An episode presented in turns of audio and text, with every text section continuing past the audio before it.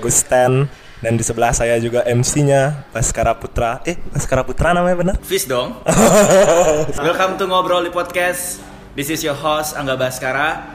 Uh, now kita udah masuk episode ke-27 bareng seorang pemuda yang energik, berapi-api dan penuh semangat. Please welcome our guest in this episode.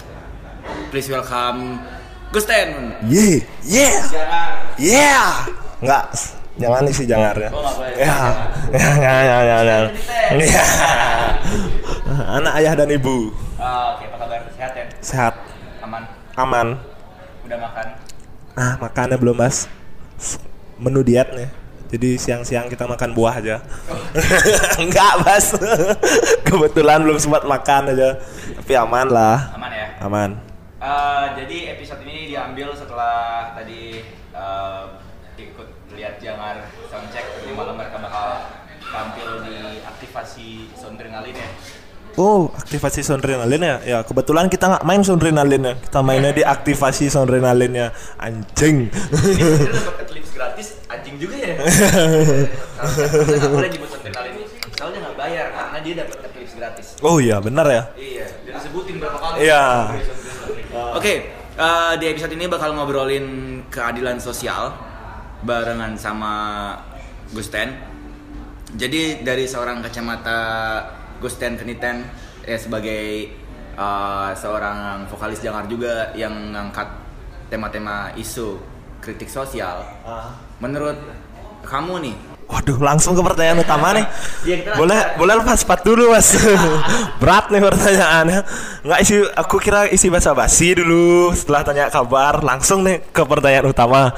kita dari dulu aja ya. Oh ya ya ya. Jadi langsung tanya ya. Nggak Ya, boleh boleh. Slow. Slow. Keadilan sosial menurut seorang Ten bagaimana? Keadilan sosial menurut saya pribadi nih. Tapi tidak bagi seluruh rakyat Indonesia. Baru aku mau bilang gitu. Aku pelajarin itu dari Pancasila kita. Keadilan sosial itu menurut saya adalah kesetaraan dalam segala hal ya, baik pemikiran, eh, ya cara berpikir, cara bersikap, dan juga berkehidupan ya untuk kita semua. Maksudnya disamaratakan lah tanpa ada perbedaan menurut saya. Seperti itu sih keadilan sosial. Maksudnya orang bebas menjadi dirinya sendiri tanpa harus takut dicemooh atau dianggap berbeda oleh orang lain. Tapi nyatanya yang ada di eh, sosial kita yang ada di lapangan itu udah sesuai nggak? Kalau menurut eh, Ten sendiri? Kalau yang di lapangan ya nggak muluk-muluk sih, belum yang pasti ya. Apalagi kita ya jangan bilang Indonesia dulu lah, bilang Bali lah. Kita kultur budaya berbeda ya udah disepelekan kan sama orang lain. Jawa Cina. Contohnya gitu dah Jawa Cina walaupun dia dari mana Sumbawa misalkan tetap Jawa Cina. Semuanya di luar Pulau Bali adalah Jawa ya. ya semua yang di luar Jawa. Jawa Jawa ya Jawa. Jawa. nah itulah keadaan sosial yang dimaksud tuh. Jawa Cina tapi di lalapan Jawa. Kalau lebaran nggak ada dagang. Itu ironi nggak sebenarnya? Ironi iya. Tapi kalau kalau kita bicara ironi itu kan salah juga sih Bas. Itu sebenarnya budaya yang kita pilih sendiri sih. Maksudnya dari nak tahu ya dari zaman kapan. Tapi kita dididik eh, dan juga ada di lingkungan seperti itu dari kita kecil lah pasti. Nah sekarang kan tergantung kita nih bersikap. Ya apalagi kita misalkan seangkatan saya lah udah dewasa secara pemikiran dan juga secara kehidupan harusnya. Ini yang harusnya anak-anak muda Bali bisa pilih lah jalan mana yang yang bagus untuk mereka. Kalau kayak rasisme itu ini kan masuk ke rasis ya kalau misalkan membeda-bedakan budaya dan juga ras orang lain tuh. Itu kan udah jadi pilihan kita sendiri tuh. Apa kita mengikuti kultur itu tetap atau kita mau merubah itu dari diri kita sendiri lah dulu janganlah muluk-muluk untuk orang lain dan juga eh, lingkungan besar ya dari diri sendiri aja dah dulu mulai Eh, kita bicara soal rasis dari Bali sendiri ya, maksudnya dari Pulau Bali sendiri. Apakah anak muda kita udah bisa jauh dari yang namanya rasisme atau masih ada nih bahkan bibit-bibit rasis yang Belum. yang telah dididik sedari kecil gitu? bibit tuh ada sekali.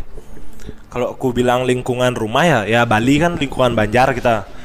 Anak-anak kecil di Banjar tuh udah kayak dididik biasa dia untuk eh, menyepelekan orang lain yang tidak dalam satu golongan ras, budaya dan juga maaf ya sensitif agama. Nah itu kultur itu masih ada sampai sekarang dan sedihnya ada anak-anak kecil di sini mereka mengikuti itu karena itu dianggap hal yang biasa atau hal yang sepele.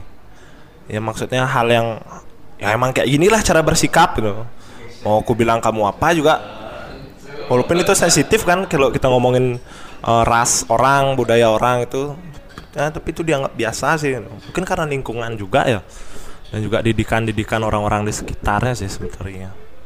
Tapi kalau rasisme di Bali masih ada, Kental, sangat terasa. Sangat terasa dan bisa dibilang masih berkembang.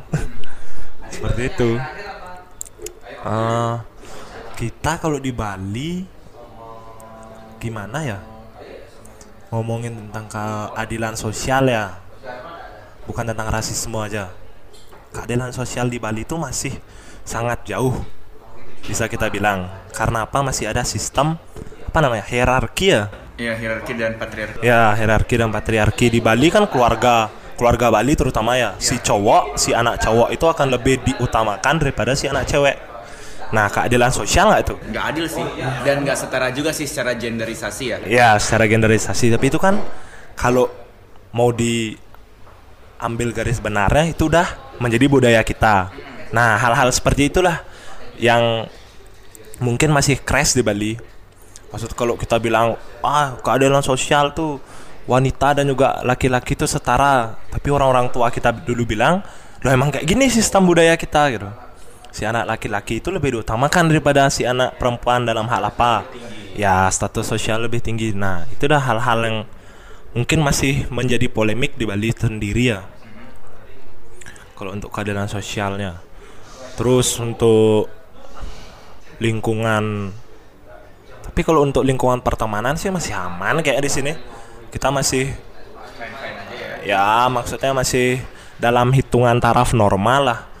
Walaupun kita berbeda budaya dan juga kepercayaan tapi kita masih bisa bareng masih tumbuh kembang bareng lah. Kebanyakan sih masih seperti itu. Ya nggak crash-crash banget kayak di luar. Yang benar-benar meminoritaskan eh, si minoritas dan juga memayoritaskan diri sendiri ya nggak sampai segitunya sih ada mungkin tapi masih lebih banyak orang yang mau mengerti tentang perbedaan kalau saya anggap. Seperti itu. Jadi Bali ini pada dasarnya apakah dia toleran atau intoleran dari be- aspek-aspek ya kehidupan, aspek eh, sosial politiknya atau eh, aspek ekonominya terhadap hal-hal yang datang dari luar nih. Dan dari Bali sendiri itu. kalau sosial politiknya intoleran ya karena masih kalau kita ngomongin tentang gender nih ya masih ya yang kayak aku bilang tadi masih diutamakan si laki-laki daripada si perempuan. Terus kalau ekonomi sih udah toleran banget kita ya. Contoh sih banyak banget ada teman-teman dari luar yang buka usaha atau cari kerja dan juga berkehidupan di sini kayaknya baik-baik aja kok sampai sekarang. Kalau dari masalah ekonomi sih Bali senang banget berbagi. Maksudnya se- orang Bali sendiri nggak dapat lahan ya? iya sampai orang Bali sendiri nggak dapat. Eh dapat mas dapat. Lahannya diganti jadi mobil. Tapi lahan parkir nggak punya. Dari luar ke sini jualan beli tanah yang Bali eh, jual tanah transmigrasi keluar. iya benar. Itu mantap. Mantap banget toleran. Sangat toleran. Ya pantai aja kita jual. Nggak mulu-mulu iya. kalau yang sekarang sih kan pesisir kita yang benar-benar lagi digempur nih. Ya kalau dibilang digempur orang luar digempur oleh eh, investor asing dan lain-lain. Itu salah juga yang ngasih celah dan juga peluang pertama ya kita juga kan? Coba lihat bukit. Mana sih ada orang Bali lagi yang punya areal di bukit? Kayak gitu sih. Kemajuan kita di ekonomi itu terlalu pesat kalau menurut saya di Bali. Jadi orang-orang kayak di pesisir maaf ya orang-orang kayak di pesisir atau di pedalaman maksudnya pedalaman itu yang masuk kabupaten masuk ke desa lah gitu yang dulu kultur masih alami di saat ada investor atau orang luar yang tertarik dengan lahan mereka dan menyajikan ini itu mereka kan lebih gampang gini gampang terjual dan juga terbuai lah gitu. tapi kalau sekarang sih kayaknya udah mulai ya dibilang menyesal menyesal kebanyakan orang Bali kan karena lahan mereka perlahan-lahan udah mulai hilang dan kalau kita bilang terlambat ya nggak ada kata terlambat sih. Sebelum semuanya dijual ya kita pertahanin yang masih ada aja. Gitu. Jadi ujung-ujungnya ya balik lagi ke duit ya. ya balik lagi ke duit. Tapi kalau Baskara bilang tadi gimana ekonomi kita ya udah toleran banget. Sangat toleran. Ada kurangnya sih gitu. ya nggak nyalahin juga sih. Nah, kalau aku lihat bukannya aku menjelekkan uh, ras sendiri ya atau pulauku sendiri tapi orang ya berdasarkan fakta lah yang aku lihat di lapangan. Sorry nih kalau misalkan ada yang nggak sepaham. Orang kita itu orang Bali ya aku bilang orang kita itu terlalu dimanjakan oleh keadaan. Dia memang dari dulu sistemnya seperti itu. Kebanyakan apa pun itu serba ada. Kamu mau ke pantai ada pantai. Kamu mau ke bukit? Ya ada bukit. Kamu mau traveling keliling Bali pun jadi gitu. Kamu masih bebas lah ngapain? Nah kita dimanjakan dengan hal itu. Dan waktu ada faktor ekonomi lewat pariwisata masuk kebanyakan orang Bali ya terbuai sama itu. Malas mereka untuk cari tahu. Malas mereka untuk kemangin itu. Lebih beli jual sih kebanyakan.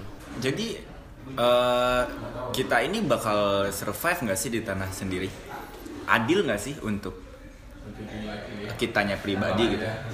Hmm, survive tergantung kita sendiri ya mau nggak kita milih jalan survive atau kita milih jalan menyerah dan juga me- melepas itu semuanya tergantung kita sendiri sih kalau survive ya contohnya ya dari pergerakan teman-teman BTR yang masih ada sampai sekarang. Mereka masih turun ke jalan masih menyuarakan satu hal yang sama walaupun itu jadi pergunjingan sana sini tapi mereka tetap survive dengan sudah bertahun-tahun sudah hampir masuk tahun ke-6 nih kan.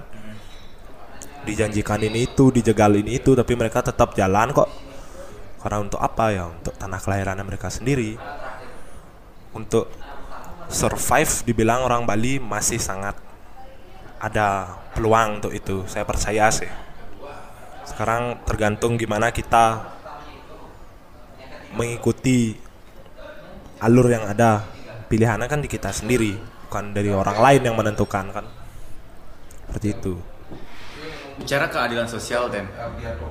Apa sih yang menurut kamu di Bali ini isunya lagi pan- lagi hangat-hangatnya, ya? Yang memang secara nggak langsung menyinggung keadilan sosial, cuma nggak dipahami nih sama pemuda-pemuda se- seumuran kita. keadilan sosial di Bali yang menyinggung apa ya dekat-dekat ini? Kayaknya banyak tapi harus dipilah nih satu-satu. Apa ya? Eh,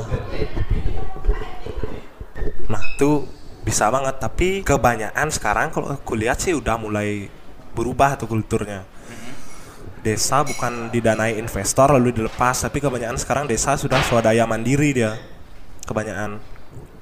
Kalau dari yang aku bilang keadilan sosial lewat ekonomi itu kan ekonomi ya masuk ke bidang ekonomi sih udah aman. Maksudnya ya orang-orang sudah mulai bergerak untuk itu keadilan sosial yang kurasain masih besar itu ya itu. Secara gender sih kalau di Bali ya yang aku bisa bilang.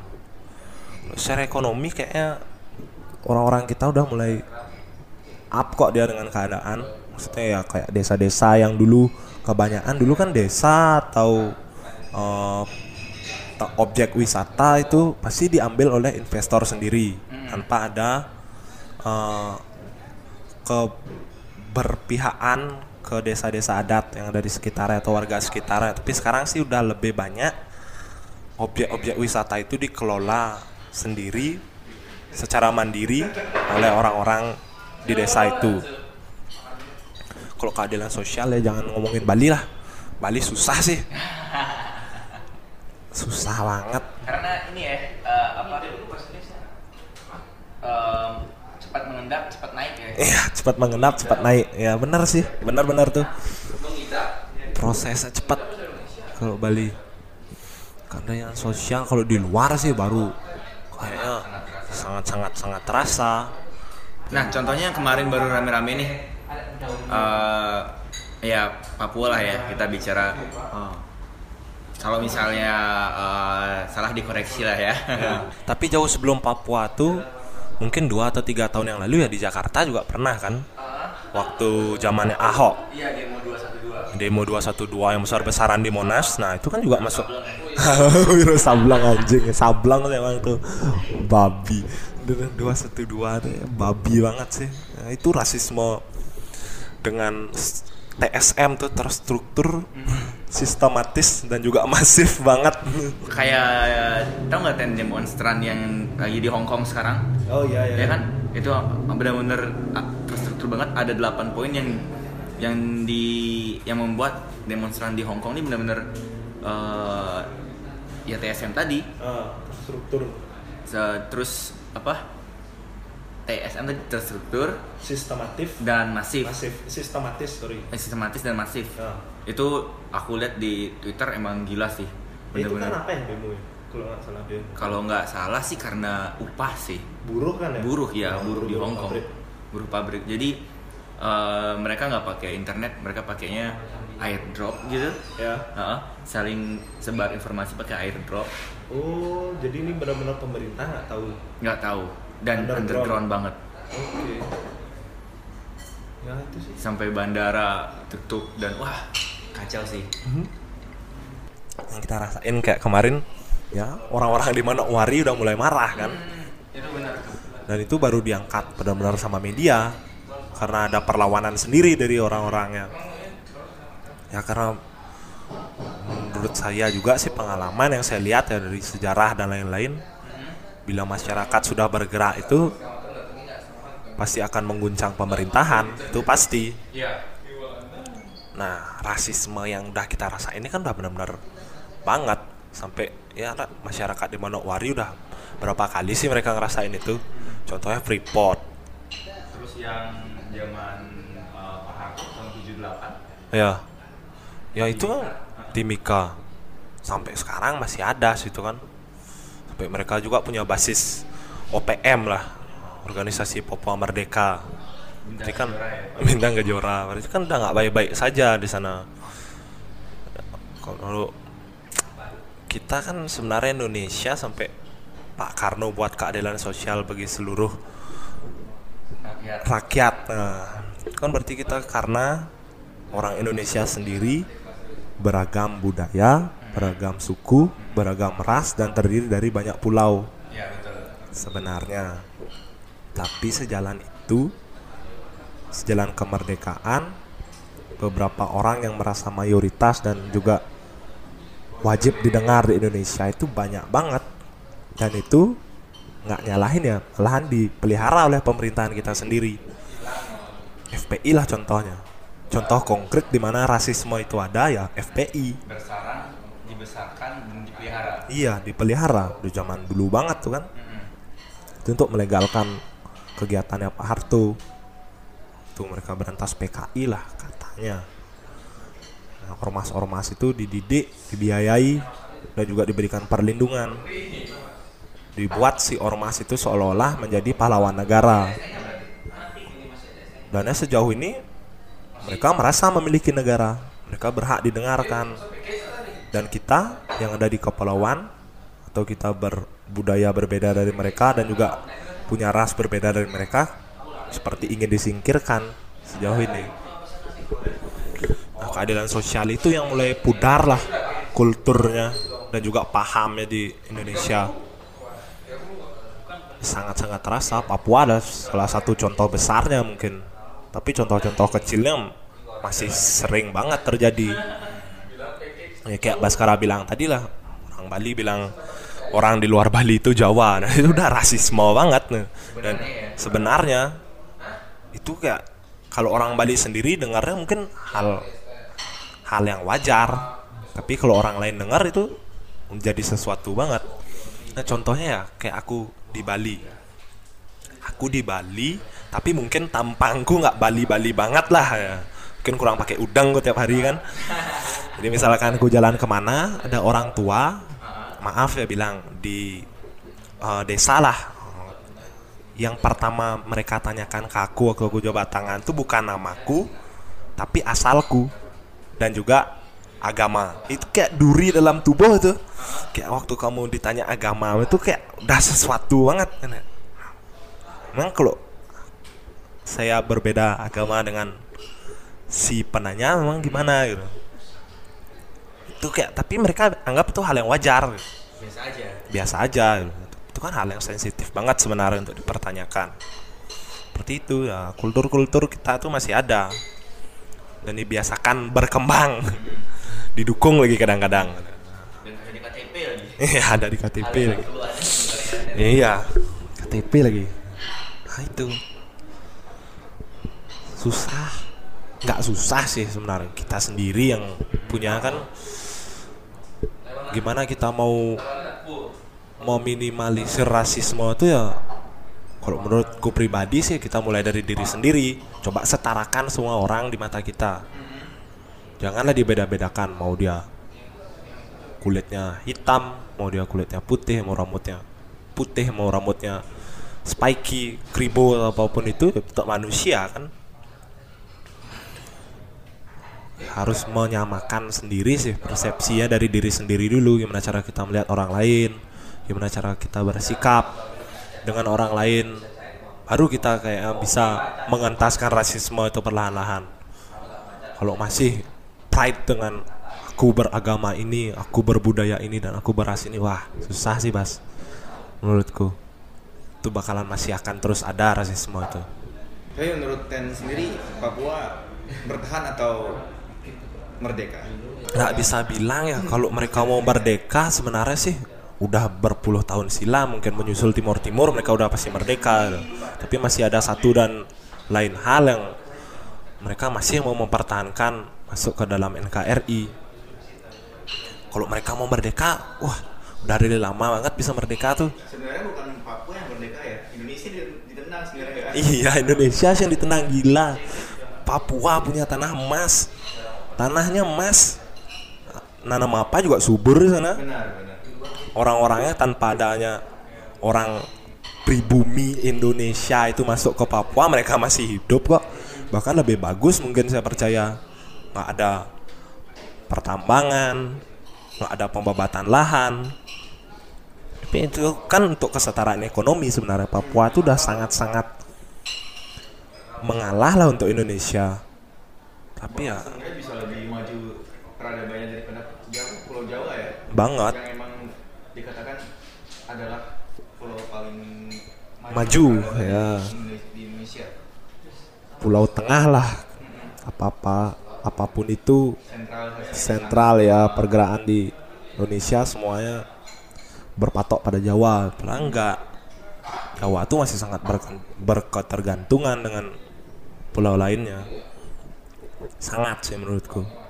Apa-apa semuanya datang dari luar kan juga. Kalau Papua mau merdeka ya itu yang kayak aku bilang tadi udah berpuluh tahun silam mungkin mereka udah bisa merdeka sebenarnya. Tapi mereka memilih masih masuk ke NKRI tergantung pemerintah sih sekarang menurutku. Karena kalau kita, kita masyarakat ya kita bisa diskusi bisa ya mungkin bantu di pergerakan atau apa pun itu tapi kembali lagi nanti garis akhirnya itu ya Indonesia bro. Kasih ke pemerintahan ujung-ujungnya. Contoh contohnya ya itu demo BTR 6 tahun masyarakat kita udah turun ke jalan. Sampai berpeluh berdarah dan juga berair mata ujung-ujungnya kembali ke pemerintah lagi kan gimana mereka melegalkan gini kita pergerakan kita di sini ya semoga sih semoga itu bisa didengarkan lah Semoga ya. ya untuk bapak dan ibu pemerintah tolong dengarkan masyarakat kecil ini Tapi jangan kenapa bisa uh, fokusnya angkat kritik sosial Ten ya? Maksudnya apakah memang ini udah kesepakatan bersama atau uh, dari kamu sendiri punya campaign dan movement yang wajib nih didengar sama pendengar-pendengar dari Jangan? ini nih yang sering disalah artikan oleh orang lain ini keadilan sosial dalam band ya aku ngomong ya oh, kebanyakan Pasti ada juga kan? ya ya ini keadilan sosial dalam band ya aku ngomong kebanyakan mayoritas orang berpikir di saat suatu band punya lagu bagus dan liriknya itu berat dan juga sangat layak untuk didengarkan mereka pasti bilang si pembuat lirik itu si vokalis itu kayak udah kultur pasti dalam band Parameter lah ya. iya parameter lah ya Iya, yang buat lirik pasti vokalis enggak. Ini aku bilang enggak. Jadi di Jangar tuh 99% yang buat lirik itu adalah Ghost Ray dan juga Pasak. Dan mereka otaknya dan kenapa kamu bilang lebih ngangkat kultur sosial tuh enggak sebenarnya. Itu cuma kebetulan aja. Karena kita ber ya jangan zaman sekarang kan semua main media sosial. Semua berita kita lihatnya lewat internet ada berita-berita menggelitik yang masuk trending lah kita bilang kayak kita kumpulin itu pasak sih biasanya sama Gus Rai yang emang lebih sering kesel sendiri dengan pemberitaan-pemberitaan Indonesia. Banyak sih kalau ini rasisme baru lagi diangkat kan. Sebelum rasisme berita apa sih? Banyak banget lah. Yang minoritas tentang berita minor lah berita miring lah tentang Indonesia tuh banyak banget. Jadi ya karena keseringan kita baca-baca berita seperti itu habis itu kita masuk. Kayak kita lagi latihan atau apa kita ngobrol ngobrol santai lah kan biasanya sih jadi lagu Oh. Nah, dan itu emang temanya ya kebanyakan kita lihat dari berita sendiri. Jadi apa yang kita baca lah kebanyakan. Kalau nonton sih jarang sih. Kebanyakan apa yang kita baca di internet lah. Kita coba karena ya kalau band lah bilang gimana sih caranya kamu didengar sama orang lain? Ya pasti lewat lagu kan. Kalau ya Baskara MC gimana sih cara didengar orang orang lain? Kan lewat yang MC di acara-acara. Ya atau jadi penyiar radio itu kan. Apa yang kamu ingin suarakan itu pasti akan didengar. Nah, kita kebetulan formatnya band ya kita buatnya lewat lagu gitu. kalau misalkan format kita orkestra ya lewat lagu juga sih tapi ya biola dan lain-lain. Ini kebetulan formatnya band ada vokalis ya udah lewat lagu lewat lirik. Eh, menyinggung soal masih di keadilan sosial internet ini kan penting banget ya. Apalagi eh, kata bapak presiden kita Indonesia akan menuju industri 4.0 unicorn. Nah unicorn. Tapi mirisnya kemarin kemarin atau dua hari yang lalu ya hari Kamis atau Jumat Ya. Kominfo secara secara eh, resmi mengeluarkan surat edaran yang menegaskan bahwa internet di Papua itu diblokir. oh ya Iya, nah ini aku baru tahu nih mas serius tuh jadi aku eh, scroll di internet ya, Ya. internet bahwa udah ada ada ada surat pernyataan resminya. Jadi si internet di Papua ini diblokir, terus ada penambahan jumlah personel aparat Anjing. ke Papua. Tujuannya untuk mengamankan. ya menetralisir. Iya ya menetralisir suasana lah dibilang. Itu sama sih kasusnya kayak beberapa bulan yang lalu kan waktu ada kerusuhan besar di Jakarta ya yang waktu pemilihan presiden. Oh iya. iya. Ya itu seluruh Indonesia loh diblokir. Iya people power power. Power gendang banget ini contoh seperti nah inilah pemerintah tuh terkadang masih banyak hal-hal besar seperti ini itu seakan-akan mereka tidak ingin dikomentari atau di dicari tahu lebih lanjut oleh masyarakatnya sendiri ya. Dengan cara mereka memblokir internet itu kan udah nggak adil banget Adil, dan- iya. Dan menghalangi orang maksudnya menghalangi hak orang untuk mendapatkan informasi. Iya, benar. Hak asasi hak asasi lah untuk di zaman sekarang ya. Nah contoh mereka mau blokir internet Papua biar gimana? Biar pendemo ya bisa gini. Mungkin salah satunya memang me- eh, pendemonya nggak bisa akses apa yang terjadi di luar Papua ya. Hmm. apalagi dengan penambahan jumlah personel yang kalau menurut aku pribadi men itu nggak perlu gitu. Kayak apa sih mau diamanin? Kalau memang beneran netral dan tidak jadi apa-apa kenapa harus nambah personel? Iya. Ya kan? Kenapa harus takut eh, bakal cari informasi gitu. Dan juga sebenarnya kan masalah akar masalahnya kan bukan di Papuanya. Di Manokwari orang mendemo itu karena apa yang terjadi di Surabaya sebenarnya kan? Yang tentang asrama Papua di grup gila loh itu. Yang gerebek tuh militer. Bangsat sih. Iya. Ini nggak ada sorry sih.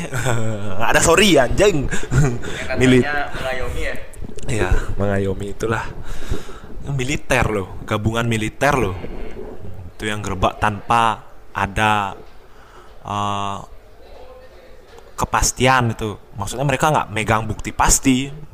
Mereka melakukan itu atas dasar omongan orang lain. Dari grup WhatsApp. Iya grup WhatsApp. Oh. kenapa nggak diblokir itu?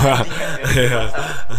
kayak sebarkan eh, Berita ini. berita ini ke tiga orang terdekatmu. Kalau enggak kamu nanti malam makan mati tiba-tiba langsung uh. serbu asrama serbu asrama dan penyerbuan asrama Papua ini bukan pertama kali terjadi. Ini kayak udah jadi eh, agenda tahunannya mereka diserbu kayak eh, tahun lalu atau dua tahun yang lalu kalau nggak salah di Yogyakarta juga ada peristiwa seperti ini dan yang nyerbu itu militer juga dekat-dekat perayaan Indonesia merdeka lah katanya. Yang padahal belum semua merdeka ya. Ya belum semua. Ya gimana mau merdeka? Bangsa sendiri juga masih dijajah. Iya benar sih kata Bung Karno dulu kan. Tugas kami sudah selesai. Sekarang tugas kita untuk melawan penjajahan dari bangsa sendiri. Ya terjadi sih itu. Terjadi banget. Bangsa kita menjajah bangsanya sendiri di tanah kelahirannya sendiri orang Papuanya diusir tapi eh, emas sama eh, sumber daya alamnya diambil diambil Ini kesetaraan apa sih? Nggak ada sih, belum ada menurut saya. Masih jauh lah. Banyak sih hal-hal seperti itu yang sumber daya alamnya diambil dengan dalih kemajuan masyarakat sendiri bullshit sih. Termasuk di Bali juga ya Di Bali juga sih banget. yang yang eh, yang mungkin nggak baru-baru banget tapi memang hangat celukan bawang Iya, culuan bawang contohnya. Dapat ke sana ngobrol sama nelayannya, pada protes semua. Hasil tangkapannya berkurang, jelas eh, kelayakan pantainya disebut juga berkurang Ya, dan mereka rata dulu sebelum si PLTU itu dibangun mereka nggak tahu itu akan dibangun PLTU mereka cuma kayak dikasih selebaran atau omongan lah lewat desa-desanya nggak terlalu pasti bahwa di sini akan ada proyek besar. Dan mereka akan maju ekonominya dengan adanya proyek itu. Semua orang dipaksa untuk setuju dan lain-lain. Dan akhirnya ya PLTU dibangun. Dan bahkan mau bangun satu lagi ya? Iya mau bangun satu lagi. dua? Eh, baru pembebasan lahan terakhir aku ke sana. Dan masih ada orang-orang celuan bawang sendiri masih melawan itu masih menolak. yang intinya bakal dibuat jadi dua kan? Iya ditambah. Ditambah ya? Satu aja udah ngehe tambah satu lagi. Parah sih. Parah sih tuh banyak sih. Kalau ngomongin ya keadaan sosial lagi balik. Wah berat bas. Kacau sih masih. Ya kembali ke diri sendiri aja lah dulu. Dan juga membantu sebisa mungkin. Tapi jangan menyerah ya. Maksudnya keadilan sosial itu pasti akan terjadi kalau semua orang sudah merasakan itu dan mau juga bertanggung jawab untuk itu. Kalau Bali wah kita masih fine fine aja. Wah susah. Ngomongin orang Bali terlalu manja terlalu eh, eh, bukannya gimana tapi dengan kita ngomong kayak gini emang kita berkaca sama diri sendiri sih pasti ya. Iya, pasti. ngomong seperti itu juga pasti berkaca sama diri sendiri maksudnya kenapa aku bisa bilang manja? Ya aku juga gitu. Oh aku ya bener aku juga merasa sih. iya. Eh, terus di- kalau kemarin kan habis ngobrol sama Aan Rolfas juga kan, Ya. katanya aware ya, eh, apa? Aware gitu. Orang nah, aware banyak aware kayak ah. Gitu ya dah. Mulai gitu ya kita dididik seperti itu kebanyakan dan waktu semuanya udah hilang atau udah diambil baru bingung kelimpungan baru kelimpungan semuanya dari topik-topik yang diangkat ya, yang yang yang Ten angkat gitu, dan juga diangkat sama band. Ada pengaruh nggak sih ke musik yang didengarkan untuk Ten pribadi dengan segala isu sosial dan lingkungan yang uh, Ten rasa gitu. Ada korelasinya nggak sama musik? Dalam artian oh ini lagu oh denger lagu ini kayak cocok nih sama situasi sekarang gitu. Nah gini, jadi kisahnya aku ini bukan dibilang pemusik juga bukan. Aku nggak ada main musik sama sekali sebelum aku ketemu mereka. Sebelum ketemu Gus Rai, Pasak dan juga Dewadi ya, mereka yang benar-benar ngenalin musik sama aku. Dan juga anak-anak Rollfest ya awalnya.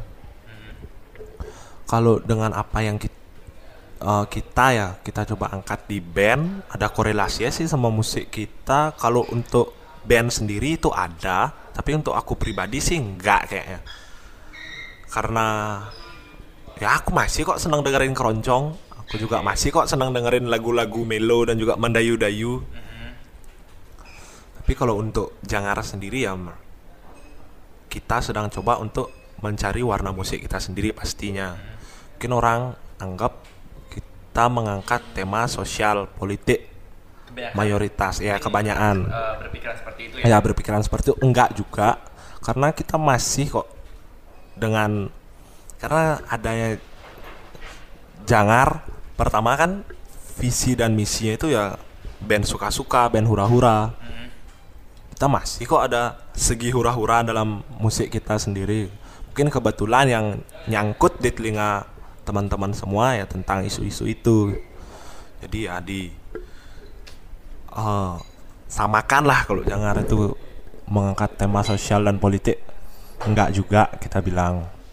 Tapi kita senang pasti dengan tema itu senang sekali. Karena mudah dibahas dan digoreng ya. Ya benar. Sejujurnya. Sangat mudah. Itu sosial politik apa sih yang kurang digoreng di Indonesia? Ya, demo 212 contohnya. Politik identitas. Politik identitas banyak banget. Itu hal yang benar-benar orang lain akan gampang kayak berpaling loh untuk baca itu. Hmm. bagaimana sih kita mengedukasi ya circle?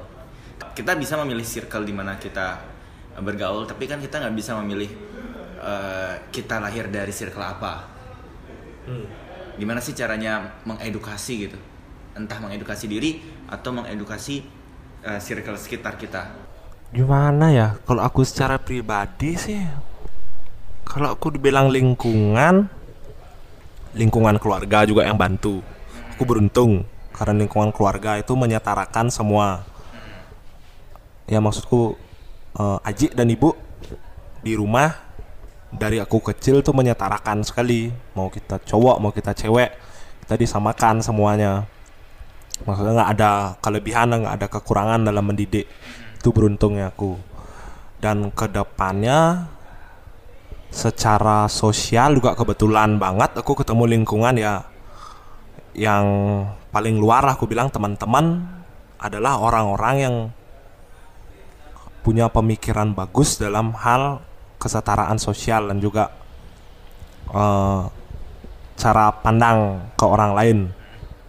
Jadi lingkungan sih sebenarnya dan juga dari diri sendiri itu kayak gimana ya Bas? Feeling sih. Kayak kamu melihat satu hal yang nggak kamu setujui secara hati itu kamu harus berani ungkapin itu. Karena kebanyakan orang kita itu kan kenapa jadi sama karena mereka malas untuk terlihat berbeda. Nah, jadi hal ini yang harus kita rubah sedikit lah. Kamu itu berbeda dari orang lain tuh nggak apa-apa kok. Bukan hal yang salah ya. Bukan hal yang salah. Dan bila ada orang lain yang menyalahkan itu ya udah anggap berlalu aja. Ka- Karena ya secara manusia juga kita bebas menjadi diri kita sendiri. Nah, kalau sudah berani dan juga berpikir seperti itu mungkin keadilan sosial untuk lingkungan besar tuh akan terjadi. Mungkin ya nggak berani ngomong juga. Tapi kalau aku rasa sih untuk kehidupanku sendiri apa yang aku jalanin sih itu aku yang rasain. Seperti itu lingkungan keluarga teman-teman dan juga cara diri sendiri bersikap. Itu banget sih yang menentukan.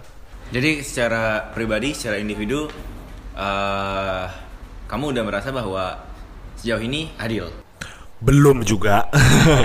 Kalau secara individu sudah adil-adil banget belum juga. Karena aku masih ikutin budaya kultur Baliku. Tanah di mana lahir ya? ya tanah di mana lahir ya itu aku masih menyamakan lah. Menyamakan persepsi dengan itu tapi aku coba untuk seadil mungkin dalam berpikir berbicara dan juga bersikap semoga Oke, eh, Ten, ini eh, aku kemarin sempat buka sesi tanya jawab di Instagram. Ada lima penanya. wes ada yang nanya Ada, ada. oke Dari akun @indra sanjaya. Indra Sanjaya wow Indra Sanjaya Matt Burger. kalian harus coba burgernya doi Ini enak nih. uh enak enak Aku udah dua kali beli. ya burger vegan bro burger vegan Yang jelas bukan burger kapitalis sih. dibuat dengan tangan lokal sendiri dari pasar-pasar tradisional di Bali. Betul. Apa yang ditanyain sama doi? Sama Indra kapan nganten? Anjing. Belum, Ra. Ini ya. Iya, ini kayak pertanyaan keluarga aku di rumah. Bali banget pertanyaannya, Bro. Atau ke undangan. Kabar. Kapan nganten? Mana calon anjing? Kayak nanya kapan wisuda ya? Iya. Setelah pertanyaan kapan wisuda tuh hilang, pertanyaan kapan nikah tuh akan menyusul pasti tuh. Setelah kapan nikah, Kapan punya anak? oh kapan punya anak itu pasti tuh. Udah strukturnya seperti itu sih, Mas. template-nya udah pasti ya. Ya, template. pakai digitu-gitu doang. Ya. Basi kalau ketemu teman lama Iya. acara keluarga. Print outnya udah dilaminating tuh. udah gak bisa diganggu gugat kayak. Kapan nganten tuh belum, Dra. Belum siap secara mental dan juga secara ekonomi belum lah. Masih cari waktu. Oke. Santai sih. Doi kapan nikah? Indra sendiri kapan nikah? Nanti Indra jawab ketika kita podcast ya. Kalau Iya. kemarin live podcast waktu dia ini soft opening. oh iya ya. Tapi capek katanya. Oh. Ya ada ujungnya mah bohong. Asik sih kalau Indra ajak podcast. Dasar seneng ngobrol. Oh iya iya betul. betul. Ada Ed Bas Mantara. Mau nanya nomor togel? Hmm, nomor togel. Nomor HP gimana? nomor togel tahu, Bro. Nomor HP bisa sih. Ada Wahyu Perdana. Kenapa rambut gondrongnya dipotong, Wigus? Silahkan. Nah, ini nih. Satu pertanyaan yang masih sering banget orang tanyain, kenapa rambut gondrong dipotong? Gini. eh, kalau menurut aku pribadi dulu zaman kuliah tuh aku gondrong karena aku ingin terlihat berbeda dari orang lain. Pertama, maksudnya ya coba-coba lah melawan kultur eh, di keluarga harus rapi, harus berkemeja dan lain-lain ya. Aku kebetulan juga dulu kuliah di teknik dan itu memang dibebaskan secara individu dalam berpakaian dan juga bers- eh, ya berpakaian dan ginilah Lifestyle lah ya. lifestyle-nya lah ya. Ya aku pilih gondrong dulu, ya kebetulan kuliah baru bisa gondrong dan juga pingin yang pasti ya anak muda zaman dulu pasti pingin terlihat berbeda kan. Nah sejalan waktu setelah kuliah udah, juga udah mau selesai, dulu kayak yang gondrong itu cuma beberapa orang ya di kampus. Aku belum masuk kultur musik nih, belum ke konser belum. Dengerin musik juga cuma sekedar aja. Nah adanya jangar aku mulai aktif kan. Maksudku aku ikut scene musik yang ternyata anak-anak cowoknya terutama itu semua rambutnya gondrong ya. ya aku kesel nih ngeliat kok sama semua gitu. kayak bosan juga ngeliat aku juga dulu milih gondrong pengen kelihatan berbeda tapi sekarang kok semuanya jadi gondrong semuanya jadi urak-urakan gitu. Satu stereotipe jadi. ya? Iya satu stereotype lah jadinya karena kebetulan aja aku baru masuk juga scene musik kan ya jadi ya bosan sih bisa dibilang bosan juga gerah Bali panas. Baskara aja botak. Kenapa gak ada yang nanyain? Kenapa Baskara botak terus? Bali panas, panas eh, suasananya panas juga nih. Eh, apa namanya? Eh, Hatinya. Panas dalam, panas luar. Diademin lah. Ya jadi itulah. Bosan sih. Kebanyakan. Semuanya sama. Semuanya gondrong-gondrong. Semuanya pakai baju hitam Baju hitam Semua dengerin rock Semua dengerin rock Semua main metal, main metal. Ya. Jadi kamu anak-anak muda Bali, jadilah dirimu sendiri, tidak kenapa terlihat berbeda. Jangan latas ya. ya, jangan latah sih, harus dirubah banget tuh. Bali terlalu latah kulturnya. Terus terus. dari Black, Black FR, Black Firman. Kapan manggung bawa gitar? FR tuh Firman. Baru tahu. Aku aku punya banget sih Black. Sorry, Ble. Aku baru tahu Firman.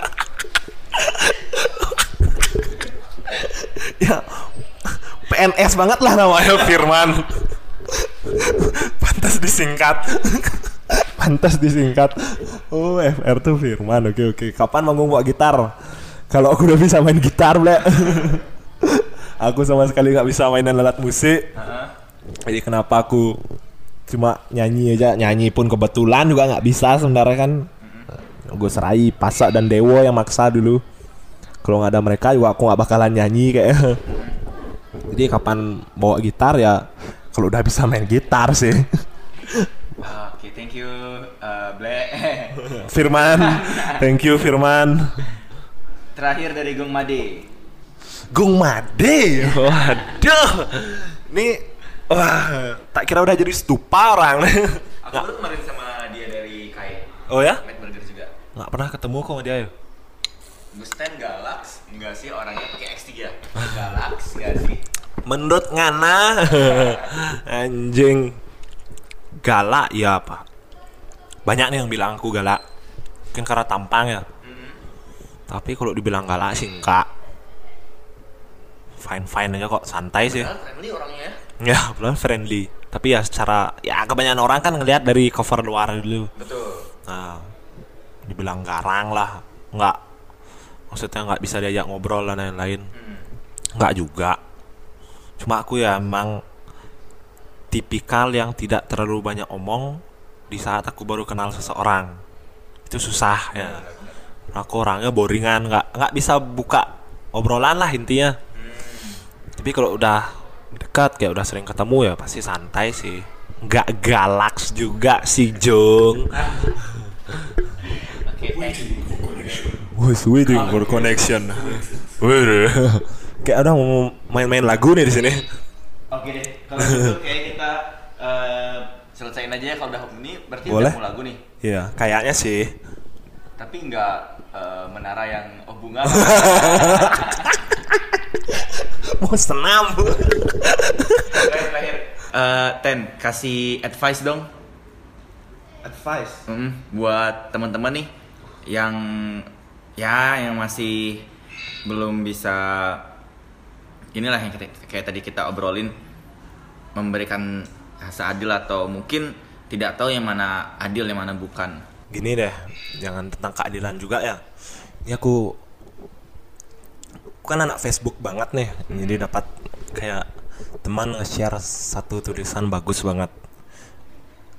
Dan ini mungkin akan berkorelas berkolera berkorelasi ah, berkorelasi susah banget Indonesia berkorelasi untuk keadilan di mata teman-teman. Jangan pernah melihat seseorang dari bawah kecuali kamu melihat sepatu mereka. Jadi saat kamu melihat seseorang, lihatlah dia setatapan wajahmu. Karena kebanyakan orang kan pasti ngelihat orang itu dari tampilan luar lah dulu ap- apa orang yang dipakai, dari mana kultur agamamu dan lain-lain. Coba lihatlah orang itu dari segimu sendiri. Maksudnya ya memanusiakan manusia. Samakanlah sama ratakan semua orang. Pasti ya kurasa sih keadilan itu pasti akan ikut dengan sendirinya. Muncul dengan sendirinya juga. Ya, kalau kamu sudah bisa merealisasikan hal itu. Oke, thank you Ten udah ngobrol Yeah. di ngobrol di podcast Iya. episode 27. 27. Wah, Ah tuh yang nanya nomor togel, nomor togel 27 bro, pasang. kayak bagus loh. Agak bagus. Seven Club. Iya, 27 Club. 27 bro yang nanya nomor togel tadi. 27 umur juga nggak? Umur enggak, aku baru 26. 26, oh. Kelahiran 93. Jadi tapi nggak apa-apa karena 27 biasanya angkanya bagus sih. Ya, biasa. Jadi silakan pasang nomor. Ya, kalau pilihan kita bagus. Kalau pilihan kita jelek di 27 bunuh diri. Makanya ada 27 Club. Silakan dengarkan ngobrol di podcast setiap hari Rabu. Terbitnya seminggu sekali ada di Spotify dan juga ada di Anchor. So jangan lupa untuk di follow juga. Follow. Kamu bisa dengerin per episode yang mana kamu mau silahkan dengarkan. Baskara bagus banget sandalnya. Pakai sandal kondangan. Sandal-sandal cokorda yang ujungnya lancip tuh. Aku tadi bingung mau pakai sepatu atau pakai sandal ya. ya. Nih gini sih. eh, jadi model fans nih sebenarnya fans slip on tuh mencontoh dari sandal cokorda nih bahas sebenarnya. Budaya Bali ini di di di ini ya kasihkan sama fans. Oh ya benar budaya kita udah modern dari dulu sebenarnya. Makanya ada slip on dari sandal cokorda nih sebenarnya.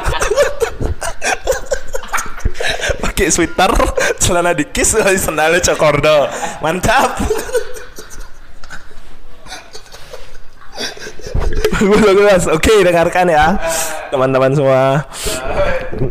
Bang, Baskara pamit. So, bye-bye. Dah.